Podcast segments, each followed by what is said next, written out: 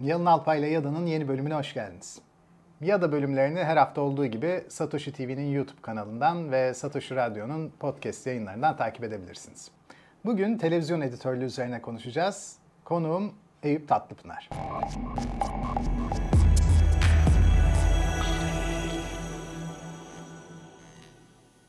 Eyüp hoş geldin, nasılsın? Hoş bulduk. Biz seninle bayağı eski arkadaşız. Yani 20 yıla yaklaştı. Belki de 20 yılı geçti hatta. Tabii tabii 2000 yılında tanıştık. Evet, 20 yılı bayağı, geçti. Bayağı hızlı Ee, geçmiş. Evet, hakikaten ben de şimdi şaşırdım yani aslında. Ee, şimdi Eyüp senin çok güzel bir iş hayatın oldu. Devam ediyor da süreç. Ee, önce gazetelerde, sonra gazete editörlüğünde, sonra eklerde, sonra televizyonda ve Evet. şimdi de siyaset tartışma programlarında editör olarak tam hız, sürat devam ediyor. Peki Eyüp, şimdi televizyondan başlayalım, sondan başlayalım bizim maceraya. Bir televizyonda ki sen büyük kanallardan bir tanesindesin. Daha önce de büyük bir kanaldaydın. Ee, prime time programlar editörüsün. Prime time bizim en çok izlediğimiz o akşam saatlerine denk geliyor. Bildiğimiz bu siyaset tartışmalarının tam odağındasın. Konuyu belirleyenlerden bir tanesi sensin. Akış nasıl gidecek? Ee, tasarlayanlardan biri sensin. Konuklar kim geliyor? Tasarlayan ekiptesin. Önce şunu sorayım. Böyle bir program editörü nelerle mükellef? Ne yapması gerekir? Yani şöyle bir şey, genel olarak editörlük tanımı gereği yani bir içeriği düzenleyen, onu oluşturan, sonra gerekli revizeleri yapan, yayınlanmaya hazır hale getiren kişinin işi aslında. Böyle. Televizyonda da bu şekilde tanımlanabilir. Fakat e, şimdi sen anlatırken mesela editör sanki çok muhteşem bir şeymiş gibi bir şey imaj ortaya çıkıyor. Bu gerçek hayatta çok fazla böyle değil yani bir ekip işi sonuçta. Birkaç editörden oluşuyorsunuz. Birkaç editör oluyor ve moderatörle de birlikte çalışıyorsun. Yöneticinle birlikte çalışıyorsun ve zaten e, gündemi takip edip onu yayınlanmaya hazır hale getirmeye çalışıyorsun. Moderatör de mesela editörlükten gelmiş oluyor. Öyle durumda onunla birlikte çalışıyorsun. Böyle bir iş. Ama benim anladığım kadarıyla moderatöre bayağı bir bilgi notları veriliyor. Tabii. Kulaklıktan sürekli bir irtibat Tabii, oluyor. tabii. Yani Bir tür- zorunlu olarak beraber çalışılıyor bir, sanki. yine, bir mi? tür beraber beraber çalışma şeklinde yürüyor. Yani kanalından kanalına değişen bir yapısı da var. Bazı kanallarda soru da hazırlanabiliyor moderatör için. Bazı kanallarda hazırlanmıyor. Bazı kanallarda konuklar editör arayabiliyor. Bazı kanallarda prodüktörler koordinatör arayabiliyor. oluyor. Konuk koordinatörü ara- arayabiliyor. Böyle bir Biraz yapı. sabit bir şey, e, sabit bir sınırı yok aslında. Geçişken. Peki Eyüp, gazetedeyken editör işte belli böyle yazı net bir şekilde ortaya çıkıyor. Nerelere müdahale edildi, ne yapıldı? Elimizde böyle tutulabilir bir şey var. Ama televizyon olduğunda konuşmacıya anında müdahale edil- edilemeyeceğine göre iki editörlüğün tarzı biraz farklı. Sence bu farklılıkların temelleri ne? Ya da işte temel farklılıklar neler? Bir e, gazetede, dergide çalışırken hazırlık süreci editörlüğün kendisi oluyor aslında. Yani hazırlanıyorsunuz, oluşturuyorsunuz ve verdikten sonra işiniz bitiyor gibi bir şey. Ama televizyonda hazırlık süreci çok önemli ama yayın esnasında gerçekleşen olaylar şeyden farklı olarak, yazılı basından ya da internetten farklı olarak bir e, müdahaleyi gerektiren, tekrar düzenlemeyi gerektiren, o an süren bir takım şeyleri olduğu için e, fazladan bir şeyi var, e, yükü var öyle söyleyelim. Yani Evet. o bazen tabii eğlenceli bir şey ama zorluklar da çıkarabiliyor. Bana mesela şöyle demiştin birkaç yıl önce.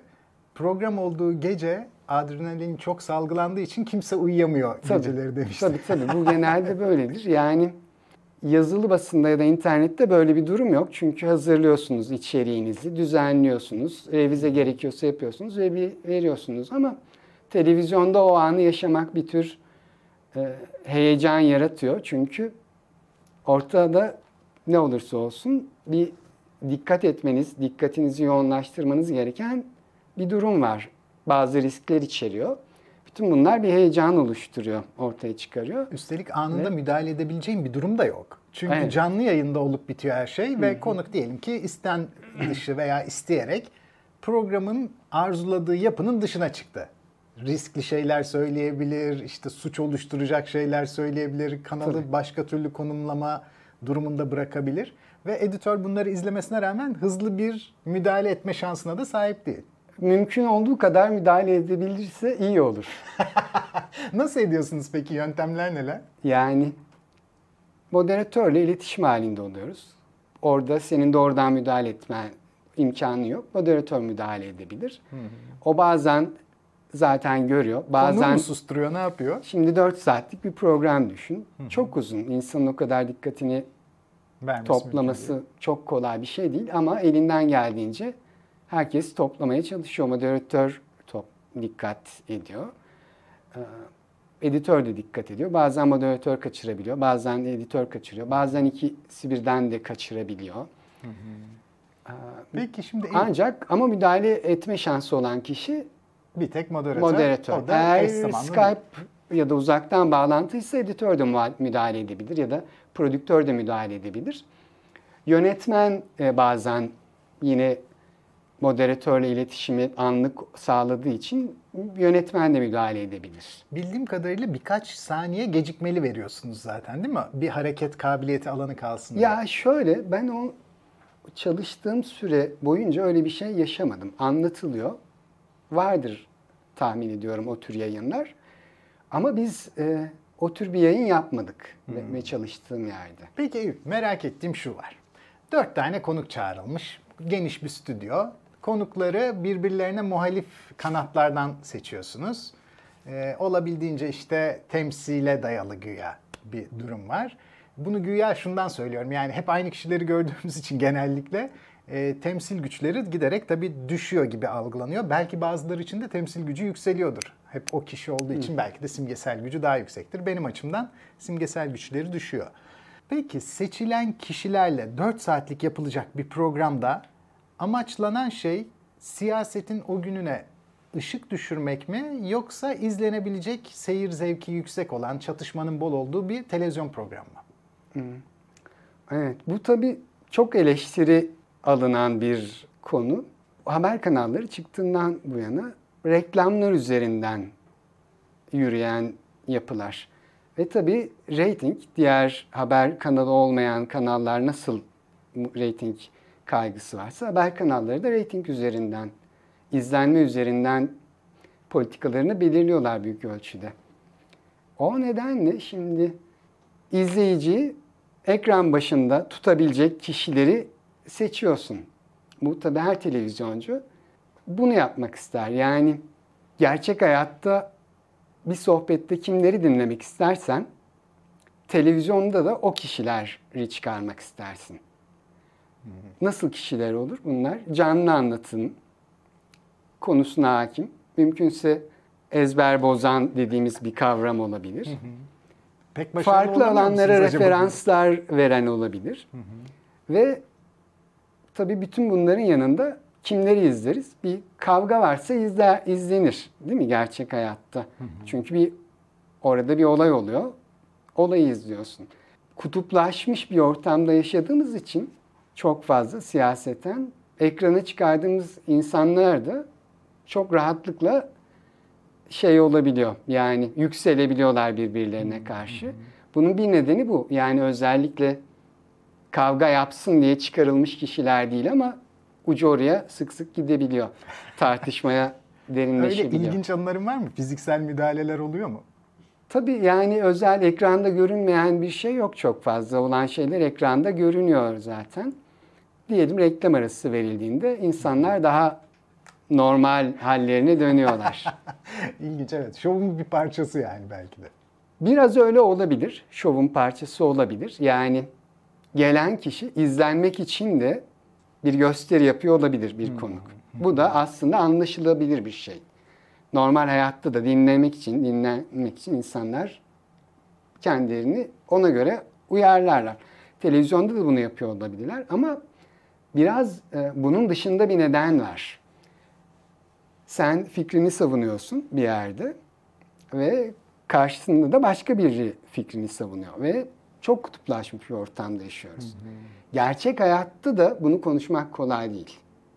Televizyonda da dolayısıyla kolay değil ve e, zaten bu tek başına bir gösteri ile açıklanamaz o yüzden. Peki yurt dışındaki haber kanallarını da muhtemelen yakından takip ediyorsun. Hı. Oralarda da tabii ki böyle tartışma programları var. Tabii ki bu maliyeti düşük bir program türü üstelik. Birkaç konu bir araya alıyorsun stüdyoda.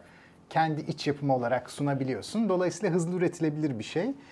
Hızlı üretilebilir bir şey olmakla beraber gündemi takip etmediğinde öyle sanıyorum ki izlemeler tabii geriliyor. Yani düşüyor anlamında geriliyor. Ee, yurt dışındaki siyasi gündem de Türkiye kadar hızlı mı değişiyor? Biz çünkü öyle sanıyorum ki pazartesi günü oturup bir toplantı yapıp haftanın bütün günlerinde hangi tartışma yapılacağı belirlenemiyordur Türkiye'de. Çünkü gündem aşırı hızlı değişiyor. Evet. Yurt dışında bunu belirlemek mümkün oluyor mu? Bir de orada da 4 saat mi tartışma programları? Ya şöyle bir kere bu tür bir format çok Türkiye'ye özgü. Öyle mi? Ben neler olduğunu bakayım derken e, çok e, benzerini göremedim bu ilk çalışmaya başladığımda. Ama orada tabii daha eğlenceli formatlar var. Türkiye'de de bu format bu siyasi konjonktürle ortaya çıkan bir format aslında. Mesela şimdi baktığımda bir hard talk var. Popüler, çok popüler, çok izlenen hard talklar var. Süreleri kısa ama burada yapamıyorsun. Hmm, ne farkları var? Onlar nasıl yapıyorlar? Yani yapısı nasıl programın? bir konuk alıyorsun. Orada moderatör, sunucu çok kuvvetli. Hı hı. Ve bir bazen yorumcu gibi davranabiliyor. Orada yani o programı buraya uyarladığında o moderatör hayatta kalamaz yani. ya da şöyle bir program görmüştüm. Çok hoşuma gitmişti. Mesela Fransa'da mı? Bilemiyorum. Hı hı. Benim yani e, hep e, ilgimi çeken bir konu olduğu için magazinle politika iç içe. Hı hı. Ve çok rahat magazinciler politika konuşabiliyorlar ve çok izleniyor. Ama burada onu da yapamıyorsun. Çünkü politika dikenli bir konu. Bir magazinci rahatlıkla politika konuşamaz. Burada konuşturamazsın. Ya da e, politik birini magazinde konuşturabileceğini zannetmiyorum. Hmm. Ama bizim burada da bu format yeni. Yani düşün çok izlediğimiz Siyaset meydanı mı örnek veriyorsun? Siyaset meydanı. Çok farklı bir format. Evet. İnsanlar onu gece izliyorlar. Değil mi? Sabahlara kadar izliyorlar. Evet. Ve orada niye izleniyor? Çünkü bir tartışmanın taraflarını çıkarıyorsun. Çok önemli. Tartışmanın bütün tarafları orada biliyorsun. Ve yeni fikirler görebileceğini biliyorsun. Bu önemli bir etki. Bir de tabii şöyle bir şey var. Bir e, seyirci vardı o zamanlar. Seyirci vardı. Kalabalık. Bir statüsü vardı. Yani o programı izleyen kişi ertesi gün sen konuştuğunda ben bunu izlediğim izledim diyordun gururla. İşte ya ben sabaha kadar siyaset meydanı izledim. Bu şuna biraz benziyor. 80'lerde 90'larda mesela Cumhuriyet çok satarlardı. Bu çok verilen bir örnektir. İnsanlar koltuk altında taşırdı. Çünkü bir statü göstergesi. Çok benzer bir şey. Siyaset meydanı izlemek de ya da 32. gün izlemek de o anlamda bir değeri vardı. Şimdi tabii bu televole kültürü denilen şey kaçınılmaz olarak haber şeyini de etkiliyor bir süre sonra. Yani bu artar da büyük ihtimalle. Peki sana şöyle bir şey sorsam. Türkiye'deki formata sadık kaldığımızı düşünelim şimdilik. Bu formata sadık kalmak zorundaysan senin için ideal dört konuk kimler olur? Hmm. Ya şöyle, tabii konuya göre değişiyor. İdeal olan konusunu televizyon açısından çok iyi bilmek önemli, hakim olmak önemli ama işin içine reyting girdiği için izlenirlik önemli. Konusunu çok iyi bilmek yeterli olmuyor. E, dört tane akademisyen çok iyi, çok uzman konuşsun. İzlenmesi çok düşük gelebilir. Kimse izle mesela herkes şikayet ediyor değil mi? ya amma çok kavga yapıyorlar ama kavga yapmasan o dört konu akademisyeni çıkar belki hiç izlenmeyecek. ve büyük ihtimalle izlenmeyecek. Canlı anlatım önemli. Biz o zaman Konuya hakimiyet önemli.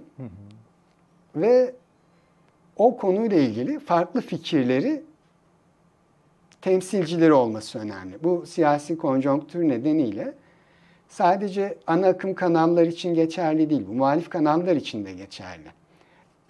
Diyebilir ki şu kanal hükümetin yandaş, e, hükümete yandaş kanal bunları çıkarmıyor.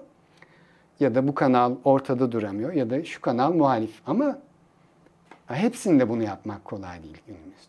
Muhalif açısından da kolay değil. Televizyon tarihi boyunca çok verilen bir örnek var, bir hikaye.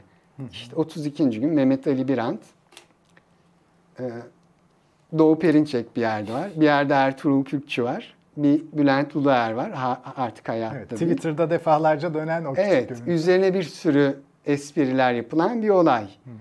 Sen Abdülhamit'i savundun, yok savunmadın, ispatla, çat pat. Yani orada bir kavga var mesela. Biz kavgayı olumsuz görüyoruz ama o bir televizyonculuk başarısı. Aa, Kötü bir şey değil orada kavga. Çünkü konunun temsilcilerini çıkarmışsın ve yıllarca asla bir araya gelmeyen, gelmeyecek kişileri çıkarmışsın. Çok büyük başarı. Ve kavga da çıkmış. Orada senin yapabileceğin bir şey yok çok fazla. Kavga çıktı diye o programın kötü olduğu anlamına gelmez. Şimdi benim en çok isteyeceğim şey en iyi televizyon programı şu olur bence. Doğu Perinçek'le Ertuğrul Kürkçü'yü tekrar karşı karşıya getirmek. Yani bunu başarabilen muhteşem bir iş yapmış olabilir diye düşünüyorum, olur diye düşünüyorum. Evet, bir- birazcık da bizim talihsiz bir döneme doğmuş olmamız herhalde. Tabii onun etkisi böyle var, onun etkisi var ama ben e, bu dönem olmasa da onları bir araya getirmek zor olur diye düşünüyorum. Yo ben şunu kastettim. Demek ki biz siyaseti pek de öyle siyaset programlarından öğrenmeye boşuna heveslenmeyelim yani değil mi? Evet ama burada bir ezber var Yalın. Şöyle bir şey. Bir insanların yeni fikirler görmek istediğini, buna açık olduğunu, bunu bulamadığı için kızdığını varsayıyoruz. Ama böyle bir durum yok. İnsanlar yeni şeyler duymak istemiyor. Yeni fikirler de görmek istemiyor. Şunu istiyor. Ben bir şey savunuyorum. Benim savunduğum fikri orada biri savunsun, diğer fikri savunan dövsün. Müthiş. İnsanın istediği, görmek istediği bu. Gerçek bu diyorsun. Evet. Yani böyle bir e, ezberden de bakmamak lazım. Peki sana... Bu da içinde bulunduğumuz yine durumla ilgili bir şey. Tamam. Eyüp o zaman son sorun şu. Editörün karşılaştığı temel zorluklar neler? Herkesin bu dönemde karşılaştığı zorluk editörde bundan bağımsız değil. Bir tür yalan, çarpıtma haber, senin uzman olduğun, üzerine yazdığın bir alan. Bu dönemin belirleyici unsuru bir sosyal medya ve herkesin haber üretmesi, herkesin etkili olma isteği. Ben e, sansasyonellik tuzağı dediğim bir şey var. E, bir haber e, sansasyonelse mutlaka ondan şüphe duymak, doğrulatmak gerekir diye düşünüyorum. Bu bu dönemin e, çok öne çıkan bir özelliği ve çok fazla sansasyonellik arayışı var. Herkes de buna karşı tetikte ama bu çok güçlü bir tuzak. Yani tetikte olman oraya düşmeni engellemeye yetmiyor. Haber üreten ve dolayısıyla etkili olmak isteyenlerin sayısı çok fazla. Sosyal medyada herkes bunu istiyor. Biz normalde hayatımızda dedikodularımız hep sansasyoneldir, hayatlarımız hep sansasyoneldir, hayallerimiz. Çok sansasyon görmek isteriz. Ama trajedi belki de bu. Ama gerçek hayatta bu sansasyonel talebini, sansasyon talebini karşılayacak bir arz yok. Bu talep karşısında çok nadir kalıyor sansasyon. İcat etmek gerekiyor. Ve yani. tabii ya icat etmen gerekiyor ya da çarpıtman gerekiyor. Bu nedenle her tarafın bununla kuşatılmış durumda. Demek ki editörün temel zorluğu her gün yeni bir mücadeleye çıkarken bir sürü bilgi, veri, işte haber ağı ona üşüşmüşken kafasına muteber olan olmayanı ayırt etmek zorunda. Sansasyonel olan ona program reytingi olarak pozitif geri döneceğine rağmen doğruyu bulmak zorunda olduğu için ayıklamak zorunda. Yani bir yandan Evet. çıkarı olan bir yerden çıkar sağlamamaya çalışacak da yani. Evet güç bir iş hakikaten. Eyüp teşekkür ederim sana bugün için. Ben teşekkür Ağzına ederim. sağlık. Bugün televizyonda, haber kanallarında prime time programlar editörlüğü üzerine konuştuk. Önümüzdeki programda yine başka bir konu, başka bir konuk devam.